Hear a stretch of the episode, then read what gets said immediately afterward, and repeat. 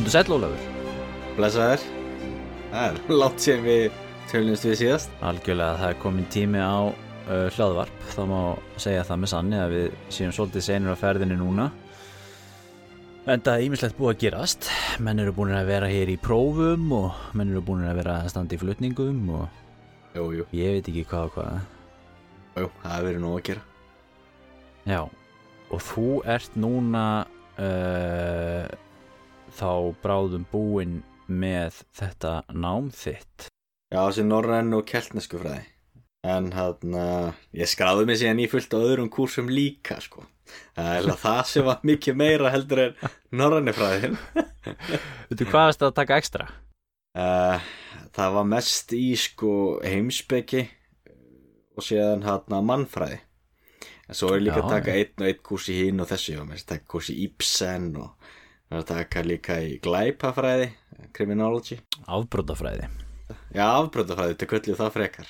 Afbrotafræði. Já, Já, og síðan líka hérna líka uh, í Íslam. En það er ég nú Ah. orientalisti sjálfur innan gasarappa já, einmitt. Við ætlum að um, fara aðeins á svona þau svæði hér í fiskaðins í þeim miðum hér í dag orientalismannum og um, já, þetta var nú þannig að um, við sem sagt þessi bók sem að, við ætlum að tala um í dag sem að er svona aðal, aðaliðin þjóðsefni dagsins sem er bókin Orientalism eftir Edward Said. Já, sem hefur nú oft svona borið á góma hjá okkur hérna í þessu spjalli og, og, og, og, og, og líka off the record. Mm. Þetta er líka rosalega áhrif mikil bók. Já, Ég ætli að mann sko í sagfræðin hérna í, hérna í Oslo að það tók ég eitt kurs sem gekk út á mismunandi kenningar í, í sögu. Að þá var til dæmis að ræða Marx og Foucault og eitthvað svona og þá einmitt var líka Edward Said það. Já, einmitt. Ég var, uh, og það var nú stundum nú, hefur nú staðið til hérna hjá okkur svolítið að ræða þessa bók. Um, og ég man að ég var stattur í bókabúð hérna rétt fyrir jól. Mm. Ég það er nefnilega náttúrulega oft heyrtum þessa bók sko oft og þessar kenningar og, og, og tengdar kenningar en einhvern veginn aldrei aldrei lesið þessa bók. Og hérna svo sem sagt uh, núna fyrir jól þá var ég sér stattur í bókabúði. Ég man að við vorum ég var að leita að gjöf fyrir uh, ég var að fara á jólahlaðborð og hérna alltaf að kaupa svona gjöf fyrir svona Secret Santa. Já, og sá sem að ég hafi dreigið var hérna maður sem að hefði mjög gaman og svona svona, svona setni heimstyrjaldur og orustum og svona. Og Já. ég fór hérna í þessa bókabúð og var að leita að einhverju svona bókum einhverju svona setni heimstyrjaldur og orustu eða eitthvað svo leis og hérna svo kem ég að svona borðið það sem er svona þú veist svona tvær fyrir ein svona kiljur og þar sé ég þarna einhverja fína svona kilju með eitthvað svona þú veist orustanum múrmansk járnbrautina. Já, eitthvað svona. Orustana sem stöðvaði framrás nazismans í september 1942 eða eitthvað svona. Og ég er svona, já, er, ég gríp þessa bók. Hún, hún var sem sagt kosta, prísin á þessu var sko var hérna innan við það sem að þessi gjöf átt að kosta. En þá var þetta tveir fyrir eitt þannig ég þurfti að taka eitthvað aðra bók með herru, og hvað heldur að sé ekki bara fyrsta sem blasir við þegar ég kem hann það er einmitt orientalism eftir Edward Said. Já, já, já. og ég sagði, herri, ég er nú alltaf átt eftir að lesa þessa bók. Þannig að ég greip með mig bókina. Og hérna var nú ekki búin að komast yfir að lesa hana en þá en ég ég er svona skrablaði mig gegnum hana núna því við ætlum með þetta ræða, ræða þessa bók í dag Já, ég las hann einmitt í tengslu við þennan kurs þá. Við áttum bara að lesa reyndar ingangin, en æ, ég fyrst ég að byrja á inganginu og, og þetta er það mikið fyrir bóku sem er með og alltaf lesið þetta allt. Já. Þannig, að, ég hafði mig í gegnum hana, sko. Og hef síðan kynnt mig líka aðeins meira orientalism að ég líka lesið þá aðra bækur svona svör við þessari bók og, og svona aðeins kynnt mig þá literatúrin í kringum þetta. einmitt og náttúrulega fyrir þá sem ekki þekkir til að þá er, er þessi bók uh, kemur út árið uh, 1978 Já, af, og er eftir Edward Said sem er bandarískur eh, eða palestinskur bandarískur uh, professor í uh, samanburðar uh, enskum bókmentum var, var, var professor við var hann ekki í Columbia áskóla eitthvað svo leiðis Jú, ég held það Já, og, og einn af þessum svona fremstu fræðimönnum svona síðari tíma auðvitað. Og mjög áhrifamikið eins eins og þú komast inn á. Og hérna og hann sem sagt kemur hann með þessa bók árið 1978 og hún einhvern veginn hefur gríðarlega mikil áhrif og má í rauninni segja að hún svona uh, hleypur svolítið af stað uh, sem, a, sem að síðar er, þá, er þá í svona kenninga uh, hreyfing sem hefur verið kallað postcolonial uh, postcolonialism Já, eða eftirlendu fræði svo það hefur verið þýtt á íslensku. Og hérna það er þá svona já, kenningafræðilega rangi sem að, sem að hérna náttúrulega er innan margvísleira fræða náttúrulega í menningafræðum og bókmentum sérstaklega og heimsbyggi en, ekki, en ekki síðst í ekki síður auðvitað í sagfræði líka og, og söguritun. Ég er guðfræðin líka. Já, og hérna og þetta er þeir, þeir, þessi skóli eru, það eru þrýr svona læri svona founding fathers sko í þessum skóla. Það sem að þú ert með hann um, Edward Said og þú ert með hann uh, Homi Baba. Mm.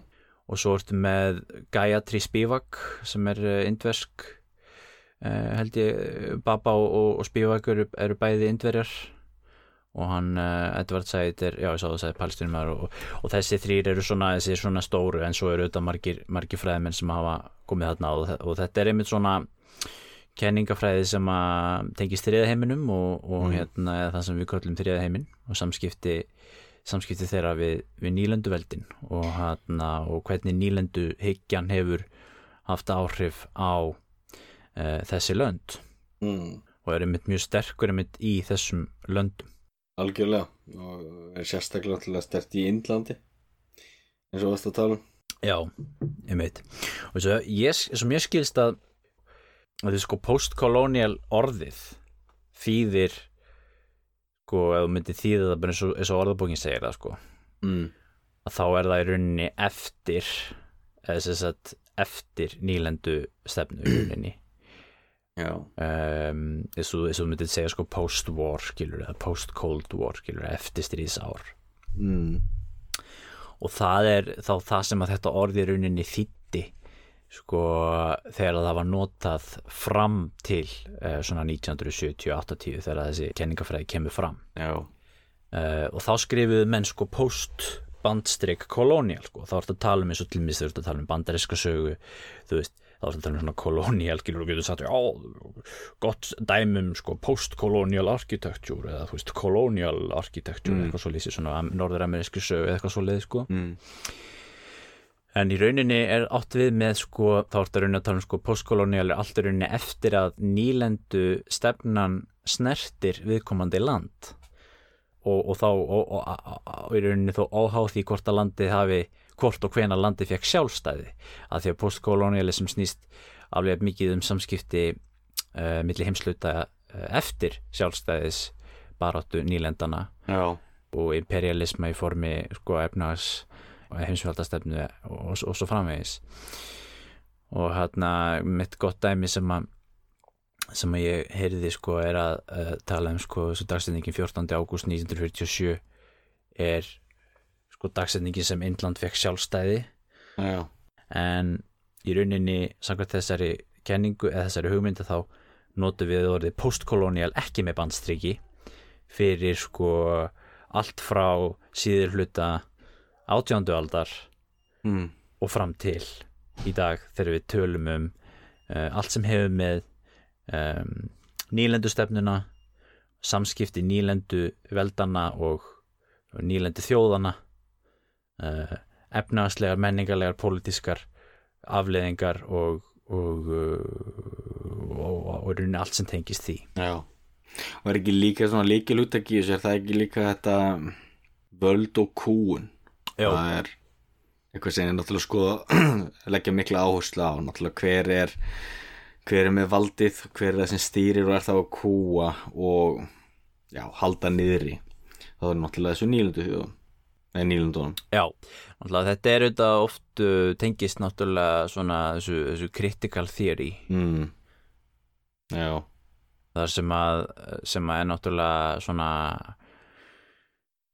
kenningafræði sem, sem skoðar þessa hluti uh, vald uh, og, uh, og valda samskipti og það er náttúrulega auðvitað það sem Edvard Said er að gera í sinni bók Orientalism.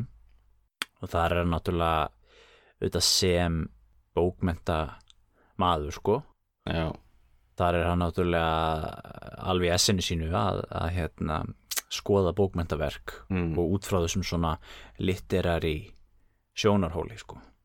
já, því hann síðan gaggrinni fælst síðan náttúrulega rosa mikið í því eða fyrstarnast í því að hann gaggrinni þá síðan fræðastarsemi vestursins og sakkar uh, þá um að hafa verið að vinna með þá uh, stjórnmálamönnum og, og pólitíkinni í að kúa þessar þjóðir Já, hún sem sagt uh, intakið þessari bók snýst í rauninum það sem sagt að það er sjákvæðin orðræða sem að, sem að er sem sagt þá gildir um, um það hvernig við í vestrinu uh, tölum um austrið mm.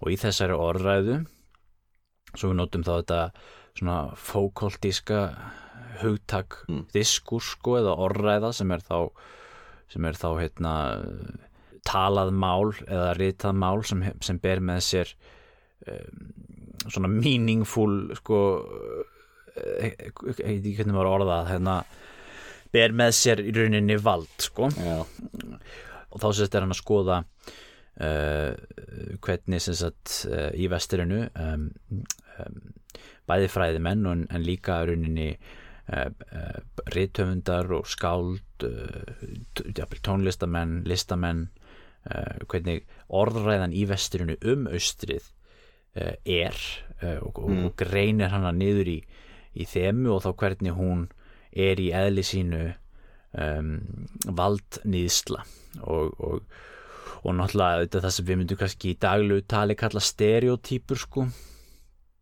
Eins og þú eru að setja það í þennan svona þennan, þennan, þennan fókultíska ramma þess að orðræðu að þá felst í þessu sko ákveði valdnýðsla eins og þú segir og kúgun frá uh, frá einum aðalega á, á annan mm. það er einmitt þetta sem er sko ramminn fyrir þá hans verkefni og það sem hann er þá að benda á og gaggrina þá er þá orientalistarnir sem hann tekur þá sérstaklega fyrir og gaggrín þá þá fyrir það að vera að vinna með nýlendu herrunum þannig að hann já þannig að raun og veru er þó fjallar eitthvað hans líka um það sko að oriental studies þá eða orientalismin er þá eitthvað megin gallað fyrirbreyði sem þarf þá náttúrulega að setja af og koma okkur an- annað í staðin já, Jú, og síðan náttúrulega eins og þú veist að tala um hann náttúrulega hans bakgrunn eru bókmyndir já, þannig að sko nú erum við búin að fara svolítið yfir svona ramman og hvað hans verkefni gekk út og hvað hann vildi með, með sinni bók. Og jú, hann voru á stóru hluta fræðsamfélagsins sem tóku vel á mót honum en náttúrulega orientalistarnir eða meira að segja að þetta hugtak er, er, er gallað líka 1978 því það voru margir sem voru orðin gaggrinir út í það þá líka. Innan þá þeirra sem, eða meðal þeirra sem kölluðu sér þó orientalista því að e, þetta er náttúrulega svo stórt og viðfemt hugtak og, og þú veist það náttúrulega gengur ekkert upp að setja mennundi sama hatt sem að, er að stúdera sko Kína og Indland og Egiptaland til dæmis. Já en byttu, byttu, þú sko þú, þú, tala um austurlandafræði í rauninni, já, austurlandafræðinga. Já, og, hana, og þá erum við að tala um náttúrulega stjett uh, þetta er náttúrulega gömul stjett fræðimanna sem að árætur sínar í sko á átjándu öld eða jafnvel fyrr. Honum.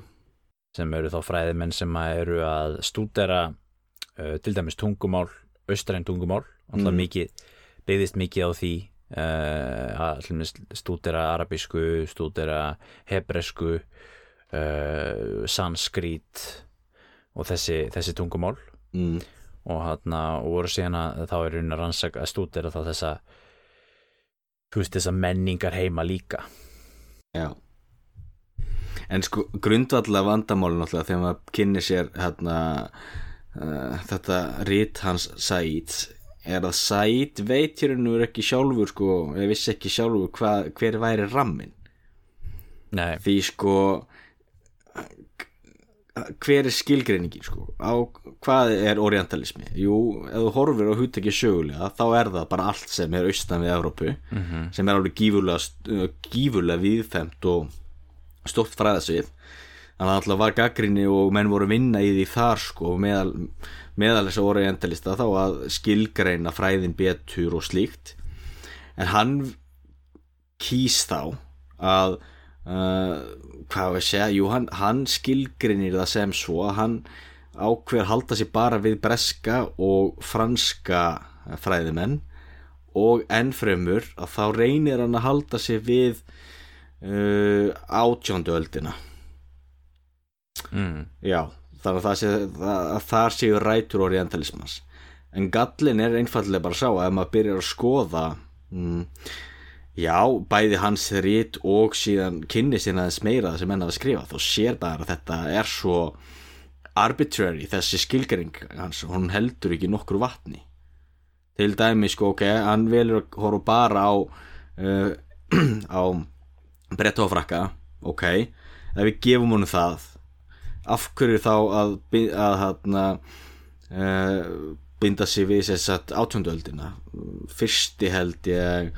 uh, fyrsta prófessorstaðan við Cambridge sem, fikk, sem bara átt að rannsaka þá Íslam var stopnum held í 1633 þá er þetta 17. öldina. Sen getur þú farið ennþá lengra aftur. Það eru til Já, margar til þess miðalda þýðingar á kóranum. Já, já. Og þú veist, miðaldamenn höfðu mikinn áhuga á hinum og, þessum hérna rítum til dæmis hann Ibn Rúst sem er eða var eh, heimspekingur í, á Spáni.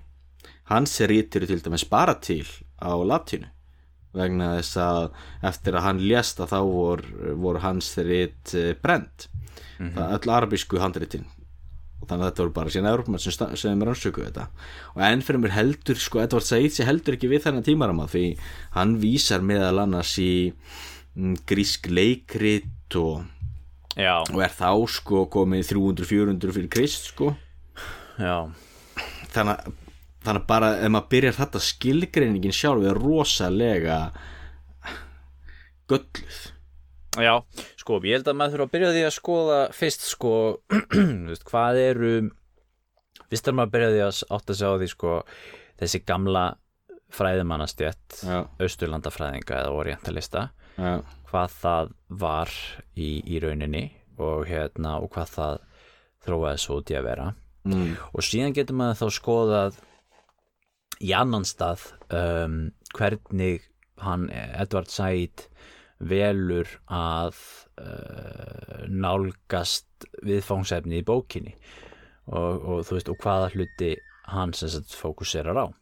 Já, og hann vissulega, eins og þú segir orientalismi, eða sérst orient þetta orð orient, skilur þetta, við getum náttúrulega þýtt þetta bara sem austrið. Mm, skilur þetta, hefur náttúrulega verið þýtt bara sem og, og, og ætla, þú veist, orðið sjálft ber með sér sko keim um,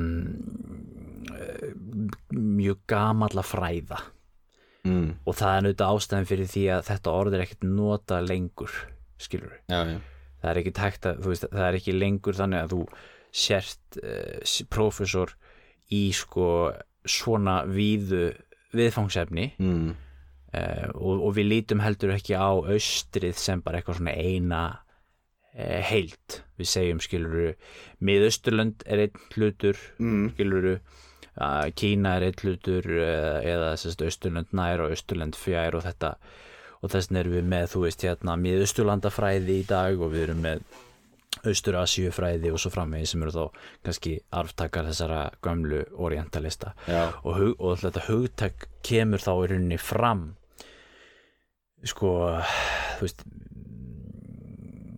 er endilega rétt að kalla einhvern sko random dúta sem er að þýða kóranin á miðöldum orientalista eða austurlanda fræðing er það ekki frekar þetta, sé, þetta hugtak sem við notum um þessa veist þessa þessa menn upplýsingarinnar og 19. aldarinnar skilur við sem eru að uh, sem eru þó hluti af þessari þessari reyfingu vísinda, vísindamanna og fræðimanna að kanna heiminn og rannsaka heiminn út frá, út frá svona vísindalegum og fræð, fræðilegum paradigma mm.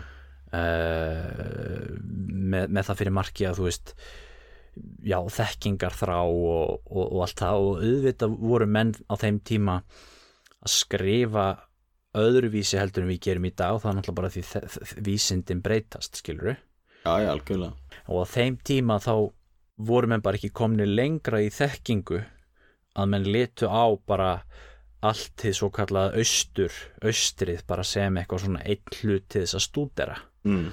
vestrið var þá okkur annar hlutur og Evrópa var þá þriðir hluturinn og hérna og þú veist það við þá kannski verið svo lítið eh, lítið sko þú veist að þú gast einhvern veginn náði yfir þetta allt saman. Ég veit það ekki, þetta voru kannski mismundi austurlandafræðingar þetta, sér, sér hefði sér sjálfsögðu í mismundi fræðigreinum sem eru voru sérfræðingar í hebresku og semitísku málum og aðri voru fræðimenn, sérfræðingar í, í þú veist, austurasjufræðum og svo leiðis svo kemur náttúrulega Edvard Said og hann ætlar að reyna að taka þetta svolítið fyrir og þá auðvitað er hann að tala um eins og þú segir, hann, hann fókusur á átjöndöldina og, og þessa fræðimenn sem eru að skrifja já, ég uppiliðan reyndar hann og fókusera svolítið á svona byrjun 19. aldar fyrirlut og miðbygg 19. aldar sem er svona fókusin í en, en, Jú, en alveg langt á 20. aldar líka sko. Já, fókusin er meira það Já. sko og, og, og, og þá í rauninni ertu þá komin líka inn á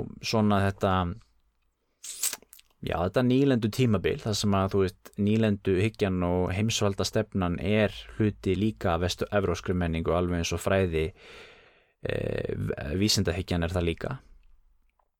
Og pointið er þá í rauninni hvernig þessi fræðimennska sem að ásér stað á sama tíma á heimsvaldastefnan virkar meðvitað eða ómeðvitað til þess að byggja undir heimsvaldastefnuna og það er náttúrulega þessi stóra nýja hugmynd sem að fælst í þessu, þessu verki sko. Og svo auðvitað velur hann þá að hérna, afmarka svæðið sem hann er að tala um við, við hérna, Arabi og Íslam. Eða fyrir ekki miðustulund og Íslam. Mm. og, og þá helst þá Breitland og, og Frakland og sjálfsög hefur hann verið gaggrindur réttilega fyrir það að fókusera mjög mikið á Breitland og Frakland uh, og að tala minna um Þískaland og Rúsland Já, og það alltaf að sýnir þá vilja benda á að það sé politíst Já, það, nei, það sýnir náttúrulega líka bara hvað það er sko hvað skilgering hans og rammin sem hann setur utan á verkefni er handahófskent. Af því að til dæmi sko ætla að rannsaka uh, hvað hva, við þurfum ekki endur að taka Palestínu, við getum tekið allan Arabíu skagan ef þú ætlar að sko kynna þér það eitthvað að viti og þú sleppir því að ræða þíska höfunda þá getur þú bara glemt því sko. Það er jafn fáránlegt og eins og að skrifa um uh, sögu setni heimstyrildar og ekki tala um Þískaland neitt að viti.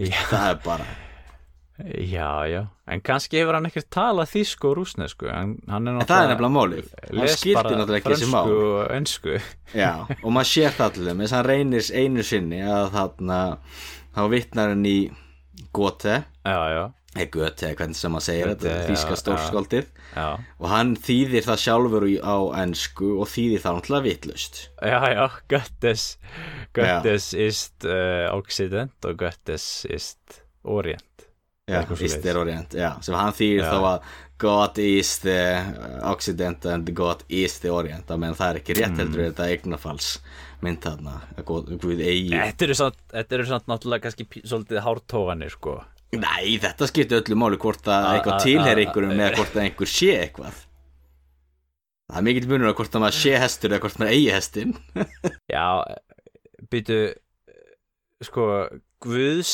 er vestrið og Guðs Já. er vestrið. Já, versus Guð er austrið og Guð er vestrið. Já. Og þetta er ekkert eina þýðinga við hann reynir, líka, líka eitthvað arabísku þarna og klúðrar því líka. Það er þetta mörg dæmi um það. Já, Því sannleikurinn er sá sko að fræðasamfélagið náttúrulega þeir sem sagfræðingar og þeir sem hefur verið að rannsaka þessi svæði náttúrulega rifið þessa bók í sig. Vegna þess að hún heldur ekki nokkru vatni því það er svo fræðimennskar er svo léleg. Þetta er bara svo ég núna myndi reyna að skrifa sko, hvað var að segja sögu franska bókmynda, ég kann ekkert í frönsku aldrei lært frönsku. Þú veist, þetta er alveg veist, ég myndi reyna alveg á raskatti með það. En finnst þér ekki að það sé hægt að gefa honum kredit fyrir þá allavega hvernig hann hefur skoðað franska og enska enska rítuhund á fræðimenn? Nei, ekki einsinni þar því hann hann um, því hann er ekki heiðalegur hann velur úr höfunda sem passa við það sem hann vill segja og talar ekkert um höfunda til dæmis sem dáðust mjög að arabískri menningu og, eða voru svona dólfallnur og elskuði Indland og voru reyna að upphefja indverska menningu svo þau gátu mm. til dæmis sko sko Íslam lítur á allt sem gerðist fyrir Múhammed sem sína sína myrku aldir og, hefur aldrei haft neitt sérstaklega áhuga á að varðveita neitt af því.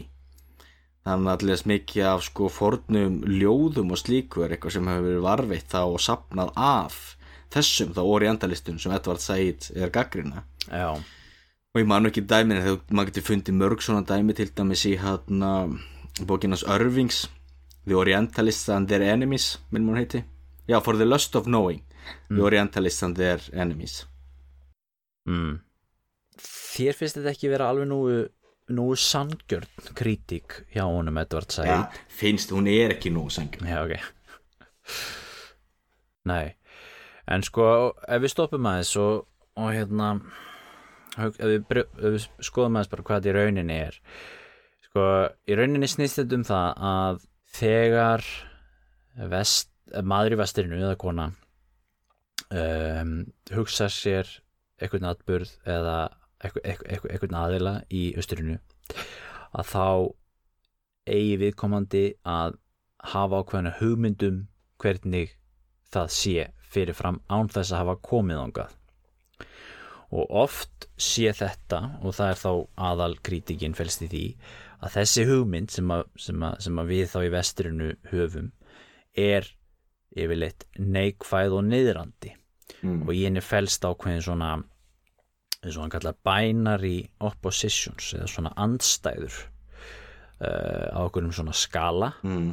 uh, eins og til dæmis að, að það sem við segjum þá að þau séu, séu svona og við séum þá andstæðum við það Evrópa er siðmentuð uh, austrið er ósiðmentað Evrópa er sterk austrið er veikt Mhm. Evrópa er karlmannleg austrið er kvenlegt og svo framvegis þetta eru svona, þetta eru svona andstæður sem, að, sem eru mjög gildislaðnar sem, að, sem, að, sem við í rauninni kannski í daglegu sem að köllum náttúrulega bara stereotypur og þetta er alveg til fullt af jú. og, og þú veist og það er ekkert nýtt skilur að það séu stereotypur og við, séu, við, erum, með, við erum með stereotypur um, um allar aðra þjóður og, og aðra þjóður eru með stereotypur um, um, um, um vesturlandabúa líka eh, neikvæðar alveg eins og jákvæðar Mhm. Eh, en það er þá þessi, þessi svona hugmyndum það að austurlandafræðingarnir á 18. og 19. öld hafi hjálpað til við að byggja upp þessa stereotypu það er ekkit endilega meðvituð ákförðun hjá þeim skilur og þú veist ekki að sko, þetta er svona, þetta er meira svona þú veit ekki segja þú veist, þessi rithöfund er vondur rasisti skilur þetta er, þetta er svona hugmyndafræðilegt skilur þú ómeðvitað býrðu til ykkur svona mynd Jú, jú. sem að verður til í hausnum á fólki. Hann vill þá meina þá ef myndir sér segja að þetta sé þá, þá mjög neikvætt og niðrendu og, og, og berið þá með sér ákveðina svona ákveði svona valdakerfi vegna þess að þetta er ekki mm. eh, öfugt, það er ekki ekkert að tala um occidentalisman vegna þess að þó svo að arabarnir séu að e- eða, eða kínverjar hafi ykkur svona stereotypu um vesturlandabúa þá felur það ekki í sér neitt vald. Það felur ekki í sér að byggja upp ykkur hugmynd hjá herraþjóð um að hún sé betri heldur en ykkur kúaþjóð skilur við jú, jú, ég, ég sé það alveg því auðvitað getur maður náttúrulega gaggrýta og auðvitað er rétt að það náttúrulega eru ákveðna stereotýpur sem hafa verið sterkar í vestrinu sem hægt er að gaggrýna en samt, maður getur alveg gert þetta hinbá líka því múslímar hafi mitt verið herraþjóð til dæmis uh, Balkanskæin er gott dæmi um það þar sem að Tyrkir voru náttúrulega herraþjóð í mörg hundruð ár Já, já. herraþjóð yfir þá kristnum mönnum. Og eins í miðausturlöndum, Edvard Saidin gott dæmi um það sjálfur, hann er, var, alveg upp hjá hana, kristnum fóreldrum fóreldrar hans voru í, í Palestínu. Algjörlega. En það er samt kannski ekki alveg þessa bó, sko, þessi bók er ekkit endilegur sko hvítþóttur á Arabum, það er ekkit á sama tíma verið að segja að Arabar hafa aldrei gert neitt slæm nei, nei, þú, þú, þú ert bara að tala um við erum að tala um þetta og, það er auðvitað þannig að, að, að í gegnum söguna þá þá er þetta tímabil það sem að Vesturlund eða Kristnin eða Evrópa eða hvað þú vil kalla það hefur eitthvað svona vald yfir eh, austrinu það er bara einhver mjög lítill eh, gluggi í heimsögun eins og við hefum talað um hérna áður og það voru auðvitað þannig aldirnar þar og undan og það voru, voru austurlandamenn eða, eða, eða Íslam var þá uh, að ógna Evrópu og, og eins og þú ert að nefna Balkanska og Spáni og, og Evrópa var í vörn. Jú, jú. Og auðvitað getur skrifað um það en það er ekki pointi með þessari bók. Pointi með þessari bók og það er kannski ástæðan fyrir þessi bók er kannski uh, auðvitað þetta er ekki púra sagnfræðiritt, þetta er náttúrulega samfélagskritík á nútíma samfélagi skilur jú, jú. og hann náttúrulega sjálfur höfundurinn er náttúrulega b- kemur, þú veist, hann, hann, hann er algjörlega afurð átakana í miðausturlundum á milli, þú veist, geðinga og muslima og þú veist, og, og allt þetta sko. Og það er þá verið að, þú veist, benda á akkurat þe þetta nýlendu fyrirkomulag eins og, eins og er í dag. Og, og það getur vel verið að, þú veist, sjálf bókin sé uppfull af sko hlutum sem eru kannski ekki og e- e- einn og einn galli eða þú veist ein og einn staðrindavilla sem að menn er að týna til eins og, eins og þetta með, með hérna, göttes og þetta sko og allt í góðu, þú veist, það má alveg endilega hérna, benda á það. En grundvallar hugmyndin samt að þú ert með nýlendu kerfi sem að, sem byggir á valdbóði og kúun og síðan ertu með einhvern veginn allan ennan diskurs alla þessa orræðu í vestrinu um austrið sem er algjörlega uh, hjálpar til við að byggja upp þessa mynd af þessu, þe þe- þessu valdbóði og kúgun. Og það í því felst það bara þú veist, orientalistin er að stúdera er að stúdera araban eins og hann sé eitthvað svona dögt viðfangsefni skilur eins og hann sé hluti af náttúrunni. Og, og við höfum séð þetta í öðrum dæmum það sem að eh, eða það sem það gekk náttúrulega lengst það sem menn voru með þú veist manneskjur sem sýningagripi á, á söfnum. Mm. Og, og, og þessa hluti það sem að menn er ekkit endilega að reyna að vera vondir ekkit endilega, þetta voru margir sem voru það en, en þetta er ekki gert af ykkur grimt, heldur er þetta gert af ákveðinu svona maður, veit ekki hvað maður að kalla uh, virðingaleysi eða þú veist það að vera að líta á, á þetta sem, sem bara eitthvað svona hlut skilur og, það, og, það, og í því fælst skakkarinni líka að uh, myndin sem blasir við af Östurlöndum í, í, í, í, í fræðitekstum og í bókmentatekstum Európu sé statísk, hún breytist ekki, hún á sér ekki fortíð, framtíð uh, og samt, uh, hún, hún á sér bara til í, veist, í nútíðinni skilur það, það, það, það talað um skilur verið að lýsa þessi svo ykkur svona náttúrulegu fyrirbæri skilur Mm. og það sem að ég held þá að þú veist, já, bókinni kannski ekki fullkomin skilur en en hugmyndin er svolítið svona ný og hún hleypir á stokkunum þessari hreyfingu sem að sem ég held að hljóta eiga alveg rétt á sér og ég held að hugmyndin sé sé alveg rétt sko En hvernig getur þú byggt upp hugmynd og hugmyndafræði sem hefur eitthvað gildi í sér þú byggir það á raungum staðrindum og er með fullt af staðrinda villum? Hvernig getur það verið margtækt? já, sko til dæmi, sko, hann, hann er ekki eins og, jú, jú, maður getur gert grína sagt svo sem þetta þýska sér kannski ekki það stórt, en ok, hann heldur í til dæmis líka fram að eða Arabatin hafa lagt undir sér Tyrkland áður en þeir lögðu undir sér Norður, Afriku þannig að sko Norður Afriku var lö- lögður undir sér á sjöundu öld ef mann rétt. Tyrkland lögður undir sér 11. öld þú veist, hann, blandar þessu saman. Já, og það var ekki einu sinni það því hann líka sko reynir að lígur upp á gott dæmi er Sylvester de Seysi sem var franskur orientalisti. Já, og hérna er ég að vísa í greinina hans uh, Bernard Lewis það sem Bernard Lewis er að vísa í Said. Það sem Said heldur í fransku að, að de Seysi hafi sem sagt he, hafi, he ransacked the Oriental Archives.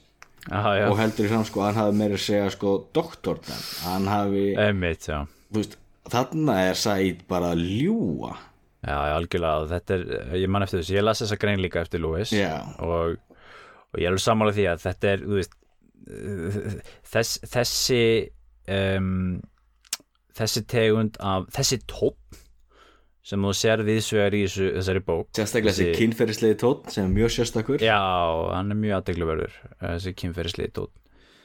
Og, hana, og þessi tótt nefnitt sko að líta á, á, á, veist, fræðimann sem er að stúdera stúdera sko eitthvað tungumál hvernig hann sé sko að að nöðga tungumálinu skilur Já. eða, eða eitthvað líka sko ég, ég er alveg sammála því að það, hann er að notar orðið reyp daldið hann Said já, alveg rétt já. og hvað var eftir hitt dæmi þarna sem hann það sem hann talaði um sko já, það var sjálfur Lewis, hann alltaf gaggrinni líka nútíma og uh, miðusturlandafræðinga eins og þau- fóru síðan að kalla sig mm. sam, sambúrið Bernard Lewis. Og, og hann um, var myndið að gaggrina hann talsvært mikið.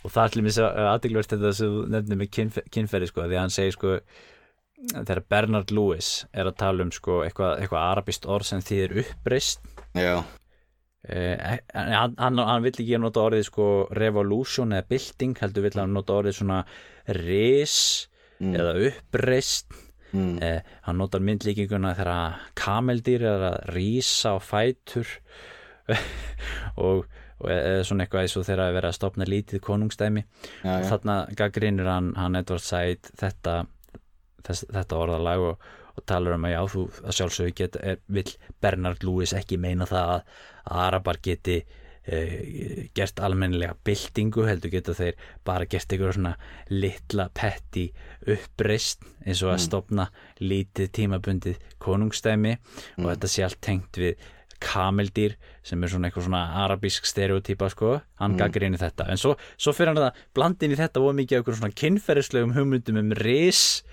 Já, og já. sko og sko eitthvað svona um það veist að, að þarna sé Bernard Lewis í rauninni að, að segja það þú veist að að, að, að, Ísturlanda menn séu eigi, eigi, eigi erfitt með, með sagt holdris og einhver alls konar svona, svona málum sko. Þannig að já, þetta er aðtygluvert þetta er mjög skrítið. Og í Varrak til dæmis sko, hann gerir tölvöld mikið úr þessu sko, gaggrinir hann Said mjög mikið fyrir þetta kynferðislega mál sitt mm í hann skrifa bókina Defending the West sem er bara bein gaggrinni á Edward Said orientalisman já, en, sé, en málið er náttúrulega líka það að ég s- sé það alveg, ég skila alveg af hverju sko miðausturlönd eða austurlönd og kannski sérstaklega miðausturlönd séu svona hvað var að segja sár yfir þessum stereotypum. -hmm. En sannleikurinn er þó líka svo sá sko að stereotypur hafa alltaf eitthvað sannleikskorn í sér. Mhm. Og sko og það er þannig með með Austurlönd með Austurlönd hafa verið á maður að segja jú, maður getur til dæmis sagt að Íslam er mikið, mikið sko meira sensual á ýmsan hátt heldur en kristnin. Því til dæmis er himnaríki í kóranum er ekkert annað en bara maður getur svo grófur og sagt að sé ekkert annað bara svall. Mm. Þú ert bara að borða og ert með þínar húrís þessar eh, þessar hérna, hreinu megar og borða vínber og í, í velistingum í einhverjum sko einhvers konar unað skarði Mm. sem þú hefur ekkert í, krist, í kristnin sko. Og lest til dæmis svona himna sínir frá miðöldum að þá er sko æðsti staðurinn er þá aðalega sko, jú þá hreinar megar og hreinir sveinar sem eru sko að syngja og lofa Guð. Og ekki með þessar hold, holdlegu listisemdir. Já, og svo sérðu líka, jú, jú, þetta voru líka smarki konungar í vesturinu, þetta voru hórkarlar og allt hannig en þú sér samt ekki þennan sko hvað getur maður sagt að opna sem þú ert með haremi þar sem soldátnin kannski átti 100 eða 200 eiginkonur. Nei, nei. Veist, það er þetta alveg grundvallar munur á samfélagunum en auðvitað er náttúrulega vennilega þessi munur yktur í staðin fyrir að er horfið til dæmis á engiðistrú já, já, uh, bera saman ímam og presta bæði klerkar, moskur og kirkjur, það er náttúrulega mikið meira sameigilegt sem með þessu já, já, þetta er náttúrulega ég þekki ekki þessar kennisetningar ef vel og þú en uh, þetta er svona þetta, einhvað síður um, uh, bókin er uh, vissulega pólitísk og, og það er vissulega tótt í henni Já, sem að um, svona mað, ég skil alveg að fara í taugarnar á mann ef maður er ekki þar megin í pólitíkinni.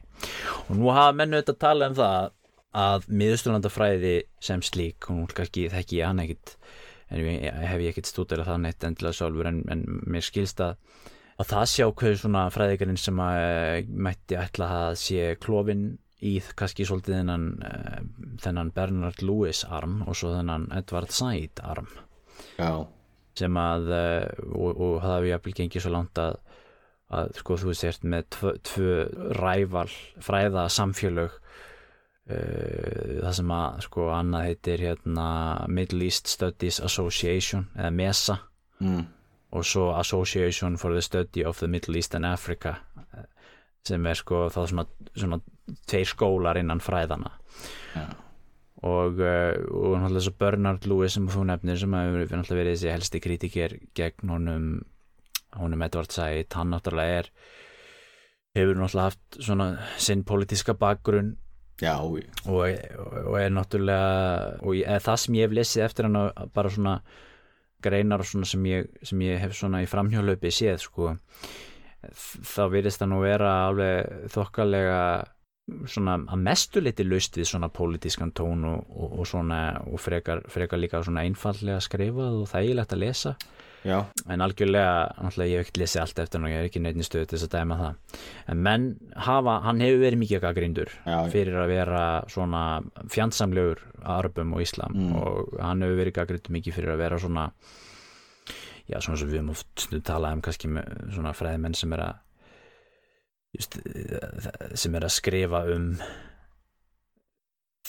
svona pólitískan hóp sem að þú ert andstæðingur sko. Mm. það, það, það er til dæmis með kommunisma og annað mm, og hérna og sem við segja þá veist, já, maður sem eðir allir æfi sinni í að stúdera arba skilur en, en, en, en, er samt í rauninni veist, móti, móti þeim og þeirra og svo náttúrulega hefur hann náttúrulega verið uh, viðriðin þú veist, allir þessi hann hefur viljum verið ráðgjafi fyrir Bush uh, George Bush í Írakstríðinu hann hefur talað mikið verið, hann hefur verið svona utanríkisráðgjafi bandaríkjastjórnar og talað mikið fyrir þessum neo-konservativ Uh, hérna pólitík, þú veist, bandarísk og tala fyrir, þú veist, aukin í hlutun vestur, vesturlanda í miðausturlundum já. er hann ekki geðingur? ég þekki það ekki sko er hann ekki bretti? Jú, en já og hann og það er líka kannski svolítið aðteglverð svona, hvernig maður sér svona breytt hlutverk þessar svo kallega austurlandafræðinga sko, því að þú veist, þú, þú varst með náttúrulega þess að við vorum að tala um þessar austurlandafræðingar sem að Edward Said er að gaggrina þeir voru upphaflega skiluru fordlega fræðingar, fílólóg skiluru, voru Mm. svona tungumála sérfræðingar og, og þú veist, sagnfræðingar og mannfræðingar þetta voru, þetta voru menn sem voru sko já, þú veist, expertar í tungumálum skiluru já, og, og, og voru svona fróðleiks þistir og svo einhvern veginn eftir setni heimstyröldina þá sjáum við breytingu í, á þessu. Við fyrir að sjá veist, þessir gömlu fræðimenn eða sko þe- þetta svið fer kannski að breyta svolítið og verða meira þessu svona hvað heitir það svæðisfræðum sko hérna area studies mm. Eh, þar sem þú fer svona já, miðusturlandafræði, faristern skilur sovjetologi Mm. og þú veist austur-evrópufræði og, og, og það sem að einhvern veginn um, það, það, það, það var til um, svolítið svona þörf á fræðimönnum uh, til þess að hjálpa til við utanríkistefnu, þetta voruð mikilvægt í heiminum á þeim tíma til dæmis bandarisk utanríkistefna um, þeir, þeir, voru með alls konar svona fræðimenn í vinnu hjá sér við það þú veist að skilja þær þjóðir og þá heimsluta sem þeir voru að, að já, arræna eða fara í stríð við eða stunda viðskipti við. Eða, eða frelsa hann ekki að selja já, eða frelsa og, hana, og þar kemur þá kannski svo hana, eins og ef ég skila rétt Bernard Lewis á svolítið svona súkynslu sagfræðinga sem, að- jú. sem hefur verið of mikið í því þú veist að, að svona upplýsa bandarisk stjórnvöld og, og vestræn stjórnvöld um, um hver, veist, hvernig þetta viðfangsefni Mm. efni er og svo ertu þau kannski komin líka svo kannski í dag eru kannski komin sko þriðukynsluðina þessum, þessum fræðmennum sem eru þó í þessum bandarísku think tanks og þessu Já, já og þetta skipti þetta allt máli. Og líka, veist, já, eins og ég var að skoða Bernard Lewis er gýðingur já, eða var gýðingur, ég held hans er látin jú, hann er látin og Edward Said er, eða var palestínumæður. Þannig að það gefur alveg auga leið. Þeir eru náttúrulega á sitt Já. endanum. Og er náttúrulega í anstæðan fylkingum og fyrirgjöðu svo í bætinni það að hann sé geðingur þarf ekkert endilega því að hann sé síónisti sko. Neða, gerir það ekki, en hann stiður Íslandsríki já, hann ég gerir hef það. þetta að segja það líka. Hann er gýðingur sem stiður Íslandsríki já, Já, já, það er alveg rétt, til þess að réttur hann gýðingarnir, últortodox er á móti í Ísrael, sérstaklega allir þeir sem búa í Ísrael sjálfu, þeir eru alveg fyrirlíta ríkið, já. þannig að það er ekkert saman sem merkir þar á millinni.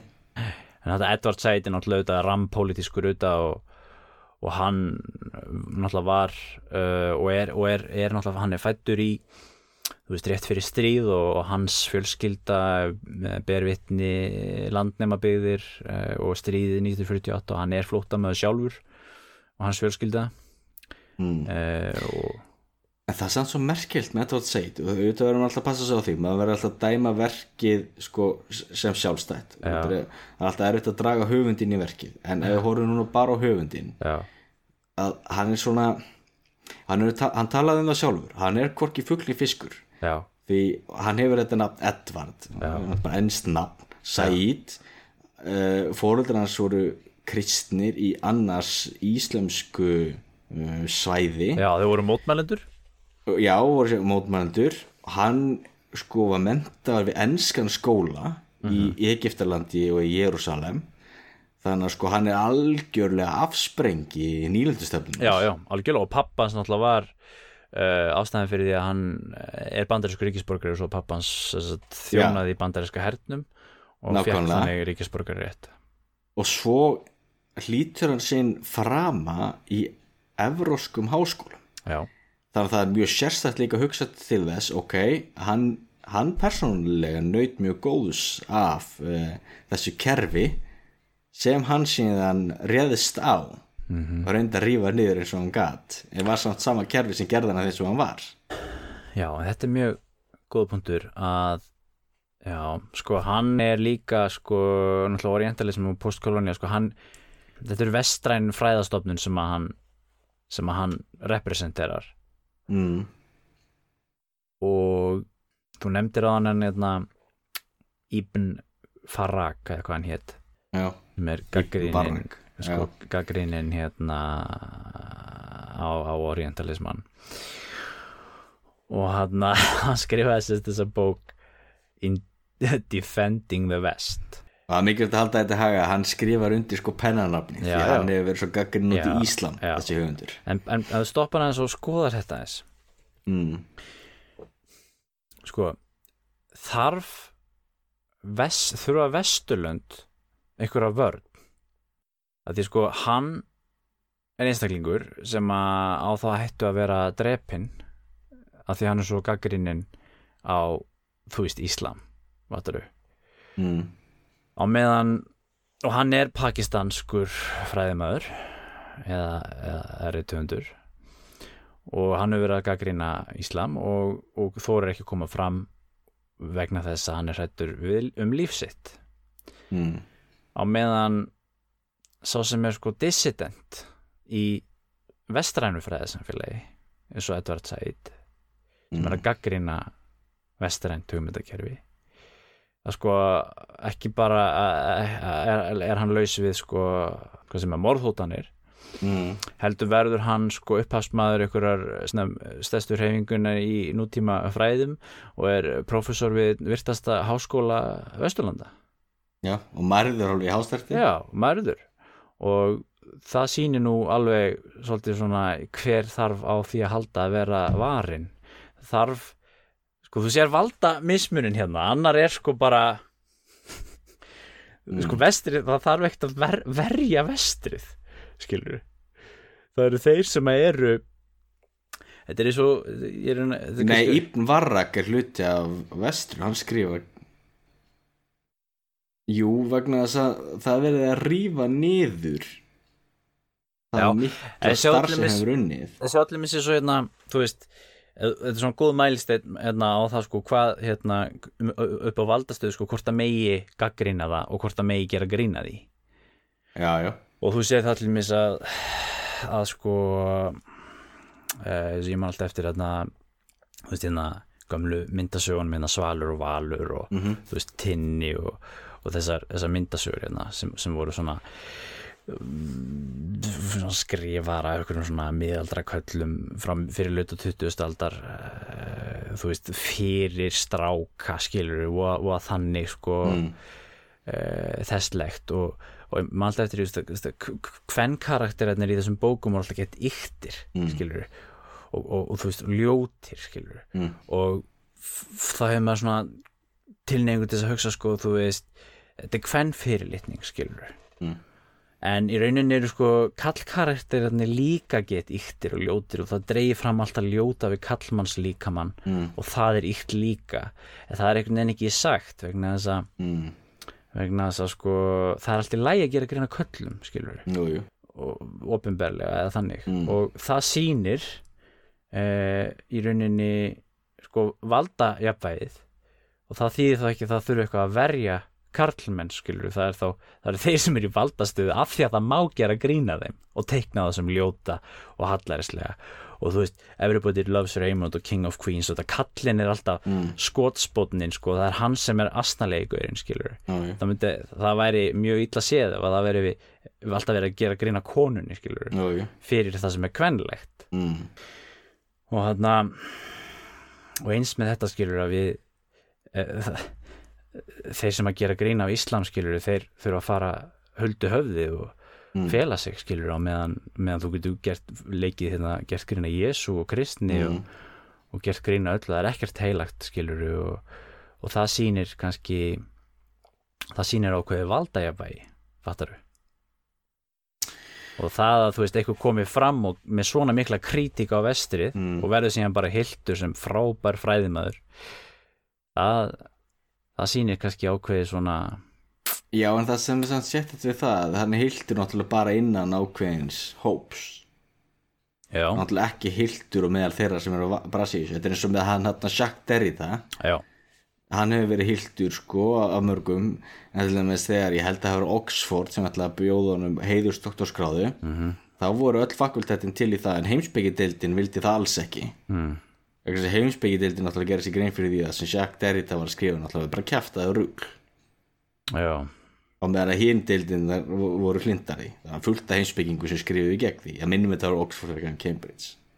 Já, sko ég hallast mun frekar að því að þetta sé hluti af þessu þessum hann kultúr í vestrinu að vera að svona self-flagellation. Það er verið að píska vestri fyrir uh, glæpi vestursinn sko. Og þannig sína hvað maður sé góð manneski og maður er komin lengra sko.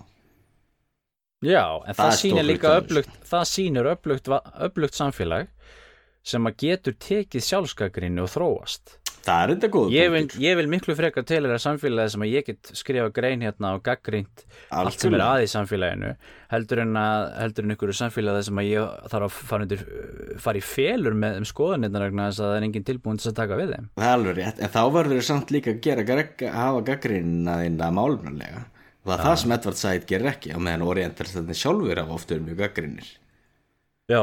út í sig en það talaður um það uh, til þessi höfundar sem við höfum verið að nefna að Edvard Said var svolítið svona komið kjölfarið á gaggrinni sem var nú þegar Já. og langt að vega komin Já. en síðan snýst þetta líka um það þá verður maður líka að draga upp áður myndir og þess vegna ég ætlaði skrifin af Bernard Lewis ég ætlaði um að sérstaklega eftir bókinas uh, The Jews of Islam mm. þar sem hann skrifar þá um bara sögu gýðinga í hinnum íslamska heimi það til dæmis, ég tók alls ekki eftir á þeim tíma þegar ég las bókina að hann var eitthvað sérstaklega að ráðast á geðinga nei, muslimana fyrir að hafa verið fjandsamlegir geðingunum þertumóti var hann mjög málöfnulegur til dæmis talaði um það þegar að uh, Ósmanska ríkið tók á móti geðingum og opnum örmum þegar spánverður voru, að berja á þeim og, og ofsækja mm -hmm. og talaði mjög jákvæmt um uh, stöðu geðinga og já, á lungu tímabili hinn um íslenska heimi en aftur móti talar hann náttúrulega líka um það þegar að þessum kabla var síðan lokað með stofnun Ísraelsriki þegar að allir gýðingar með Ísturlanda voru hrættir úr heimalandu sín til Ísraels Já.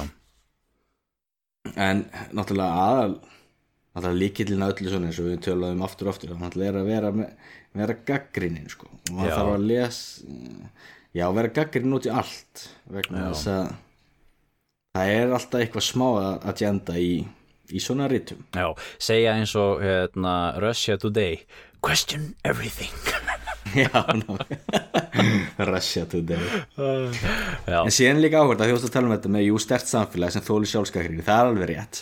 En það er líka áhvert að hugsa um það sko því að hann Voltaire sagði það á sínum tíma. Mm. að þú þarft að ef þú ert að velta þig fyrir þér hver ræður yfir þér að þá ætti að spyrja þig sko að hverju máttu ekki hlæja. Mm það var kannski meira við eða úr í veiku samfélagi svo í Kína sko, sem er raun og verið mjög veikt samfélag. Þar sem náttúrulega helst ekkert gera grín að að, að stjórnundur landsins eins og sem ástæða fyrir til þess að okkur bangsímónum náttúrulega banna já, já, einmitt og það er eins með Íran, klarkastjórnin í Íran er mjög, mjög veikir raun og veru sko Já, já, þú, þú nefndi það nú hérna einhvern tíman við mig líka á þessum vettvangi man, þú, það, þú sagði sko e, um að tala um Rússland sko og það, það mm. Úgræna hafi viljað sko færast í, inn í sko og vera hluti af Evrópu og fara inn í Evrópusambandi og þetta sko að það sýnir náttúrulega veikleika Rússlands sko að það, það Já. vantar soft power Já, algjörlega þannig að þetta þannig að gaggrinni er í rauninni mjög holl. Og þess vegna það er alveg svo að ég er náttúrulega búin að vera mjög gaggrinn og þetta var sætt núna og með réttu það mikið sem á gaggrinn hjá Já. en það er alveg réttu þetta að þú getur alveg fundið dæmi og hann náttúrulega dregur líka upp dæmi þar sem að menn náttúrulega eh, er að skrifa náttúrulega mjög neikvæðun og leiðilega litteratúr sko. Og það náttúrulega ítur undir mjög yktar stereotypur og fordóma Já, en þetta er náttúrulega líka þess að ég kom inn á þann sko, fræði og vísindi breytast sko Já, og þú veist þessu frækt dæmið er náttúrulega einna landafræði bókin hérna frá þú veist, 100 ára gamla landafræði bókin mm. það sem að er sko hérna þjóðverjar eru reglusamir og dugleg þjóð sem að Mm. leggur mikið upp úr uh, vinnusemi uh, Afríkunegrar eru mjög löt þjóð og þú veist, eitthvað svona þú veist, á meðan Ástralíunegrar eru nú ekki alveg jafn latir og Afríkunegrar en. Þetta myndi ma- þetta myndi menn ekki skrifa svona í dag. Nei, nei, nei, alls ekki. Og, og það sýnir þá hvernig svona paradigma að því að kannski á þessum tíma voru menn ekkit endilega að reyna að vera slæmir. Nei, þetta voru hugmyndirnar sem að menn höfðu á þeim tíma. Já og þessar hugmyndir hjálpa til við að ef það er eitthvað ójæft jafnvegi þá, Mm. þá held ég að svona hugmyndir eh, hjálpi til við að halda því við eðlilega. Jú, jú, og ég sé það jú, jú, það þetta það náttúrulega hefur eitthvað rétt fyrir sér þegar þetta tala um það. Að því að sko þegar að ef að, ef að það kemur út bók sko í ú, í sko ég menna, hvað er að segja Íslamska ríkið skrifar eitthvað eitthvað óhróður um Vesturlönd sko mm. af einhverjum svokvöldum fræðimönnum og, og svokvöldum rithöfundum og eitthvað mm. svoleiðis sko, það hefur engin áhrif það er engin, þú veist, það er ekki að fara í rauninni eina valda uh, sambandið í slíku Mm. felst í því að á Vesturlöndum er því svo bók sínd í, þú veist, einhverjum grínþætti sjónvarpinu og allir myndu hlæja að því.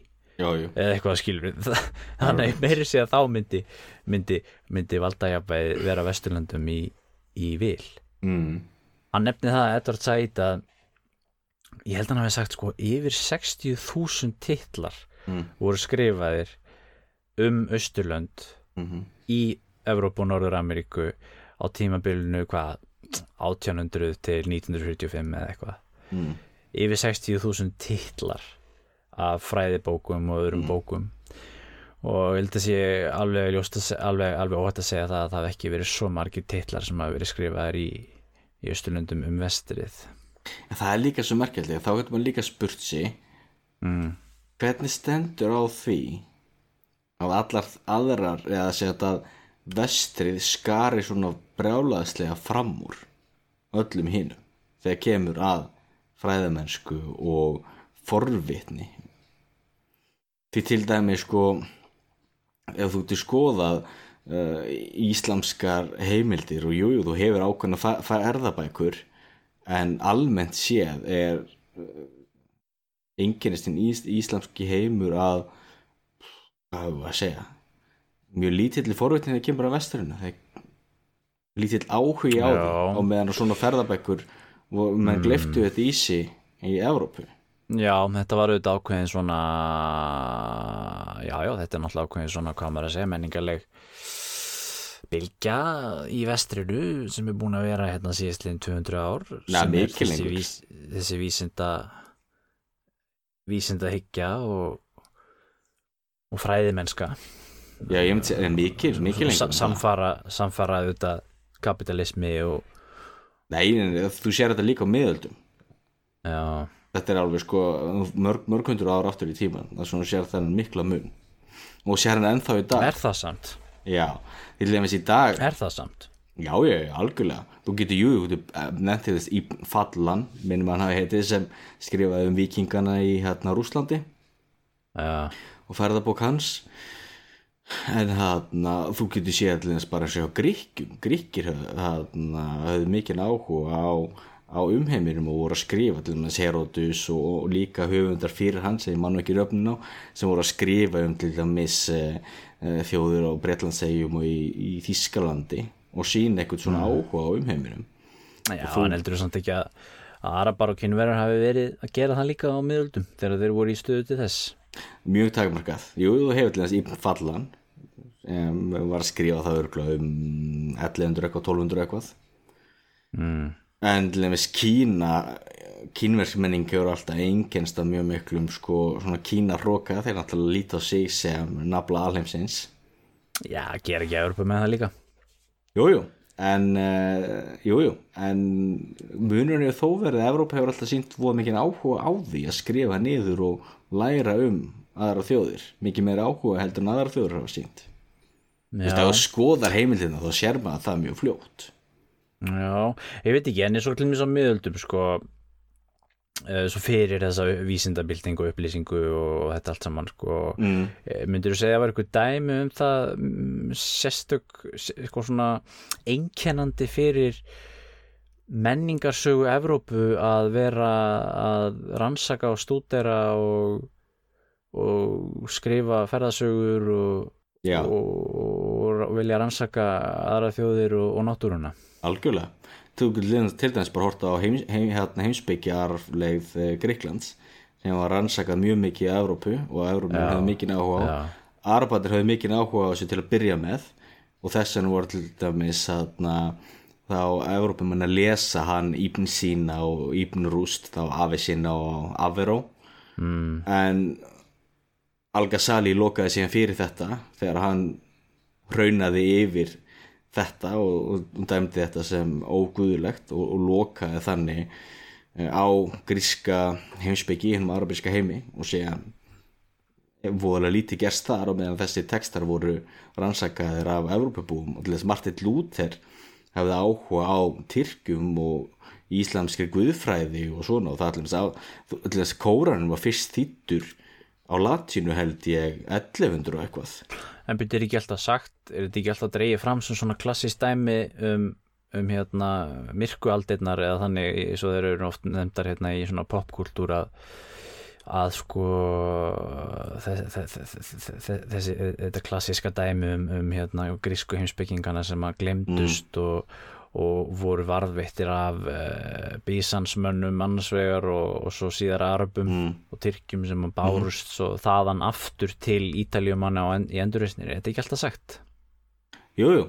þess vegna voru þeir að lesa þegar Íbn Rúst sem er þá þekktur sem Averó þeir voru að lesa hann einmitt vegna þess að þar nálguðist er Aristóteles og annan hátt en Al-Ghazali kom síðan eftir allt þetta það var hann sem lokaði þessari gullöld Íslams já sem, já hvað sem ekki gullöld það er maður ekkert svo gaggrita líka því náttúrulega mikið af þessum mönnum voru nú eru kristnir í miðasturöndum sem voru að vinna að þessum þýðingum náttúrulega og skrifa á arabísku þegar kunnu náttúrulega bæði máli já.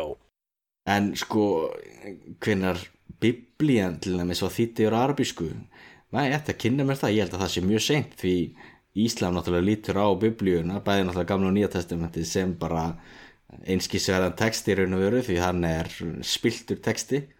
Já, ég held nú samt að Síran myndi nú vera sammála mér í því að margi kristnir, hann var örgulega litið á kóraninn sem spiltan texta líka. Jújú, algjörlega, en það var samt þessi áhugi einmitt að koma staði sko, hvað stendur í þessum spilta texta til þess að skilja andstæðingin betur? Aðeim. það er það sem er svo sérstætt við vestaræna menningu sko. það er þessi forvitn og ég veit að þetta er þetta ákveðin stereotypa sem ég halda fram en ég er alveg þess fullvis og það er sem ég sé svo langt á öllu þessu textu sem ég hef skoðað þá er þetta stereotypa sem hefur eitthvað eitthvað sannleiks kjarna í sér. Já. Uh, ég vissum að hann Edvard Said og hans fylgjendur myndi nú orðinlega kalla þig orientalista. Já, já Í neikvæðum tóni. Í neikvæðum tóni.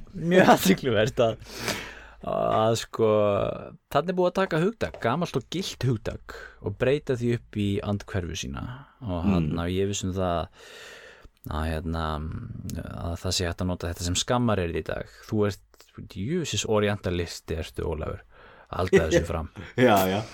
meðan hérna áður fyrir þótti þetta þýtti þetta fræðið maður sem að, að lág yfir sanskrit og, og hebreysku og okkur svona textum það er sorglega því þetta eins og hann Ignaz Goldsir sem er þessu stærstu þýsku fræðmönum hann var gíðingur í Austuríki Ungverðlandi þannig að mm.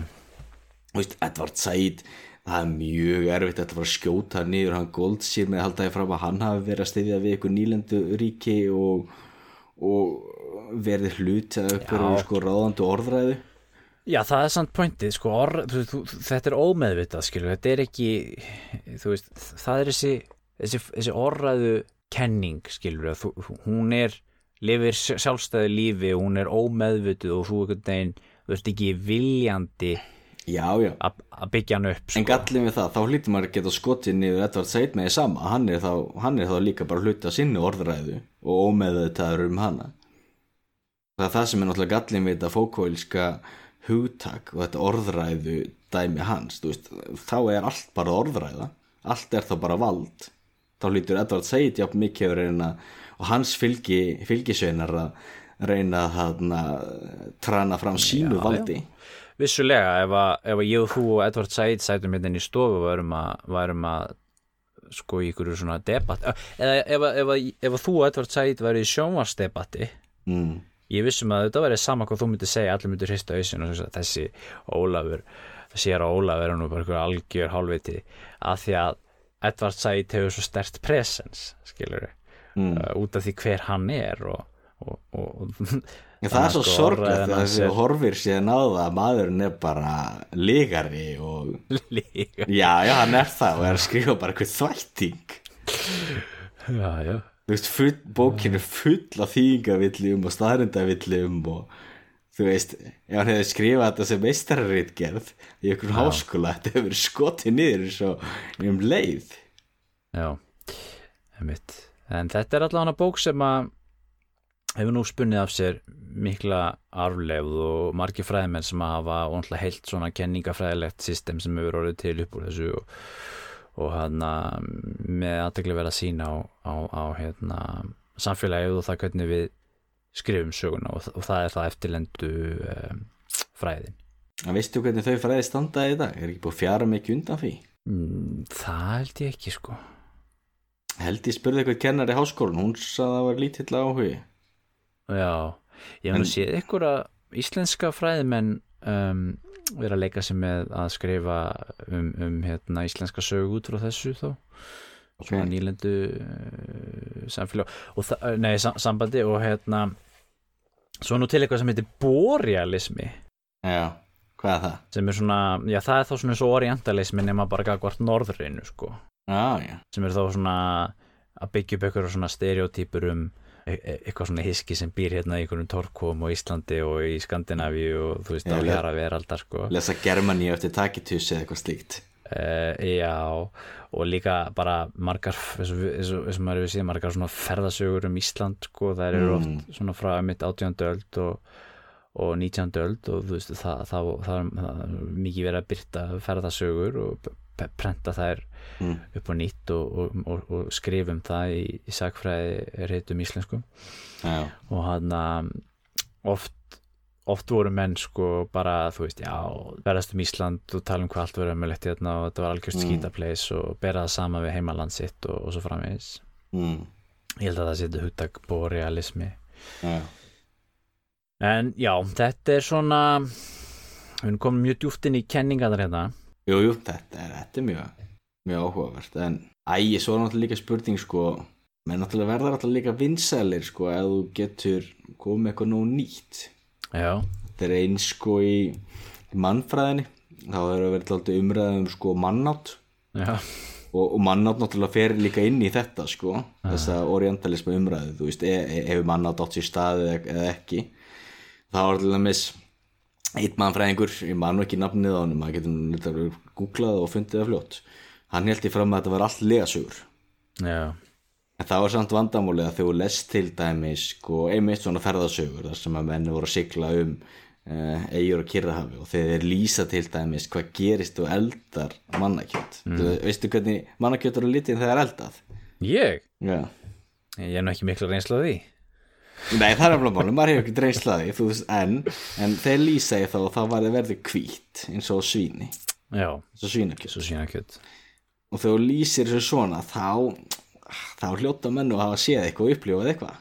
Já, já, en, en þetta, þessi mannfræðingur, þessi bók hans Já. hann létt að mér hugsa, hugsa uh, muna þetta ekki. Þetta var mjög vinsælt sko. Já. hann náttúrulega fekk mikið lof fyrir þetta þannig að hann náttúrulega líka að rífa niður fordóma og stereotypur. Mannættur og sem eigum í kyrrahafinu en, en síðan er líka bara vandamálið jú að mannátt hefur verið á þessum tímum rótgróun hluti af menningunni. Já, já. Þetta er hérna, já, þú, þú, þú, þetta er svona, svona dekonstruktivismi að, að svona, Já. já, einmitt. sem er rosa vinsælt í, í fræðastarfinu í dag Já, já, og er þá kannski, og náttúrulega þetta postkolonialism er, er ákveðin svona uh, reyfing innan, innan þess já, og hérna, og það eru þetta aðrar, aðrar eh, vinsælar reyfingar eins og hvern á kynjasaga og hins eginn sagfræði og, og svona svoleiðis uh, kenningafræði sem við ættum endilega að skoða mm. setna já, við höfum gert það. En svo höfum bara skjóta inn rétt inn. Síðan er það líka hlutaði af hverju er svona vinsælt að hann dekonstruera að það náttúrulega er mikið léttara Já, Þetta er eins og, er í pólitíkinni, það er náttúrulega léttast að vera í stjórnarnandu, þá getur bara gaggrínt allt, skotið allt niður, það er ekki að leggja neitt í ákvætti máluna, þannig sé og það litla sem við leggur til, það, það, þú ert ekki að vera því í gegn, þannig að skiptir ekki öllum málum en sjá ekkert hvort það virkið ekki. nei, nei. Þetta, er, þetta eru góð lokaður frá síranum. Frá orientalistarum, Já, við uh, segjum þetta gott hér í dag held ég í Kremakju, við erum komin á góðan tíma Júp, og eh, snúum aftur. Fjallræsir hér í næsta þetti með eitthvað nýtt og spennandi málefni. Við gerum það. Verið sæl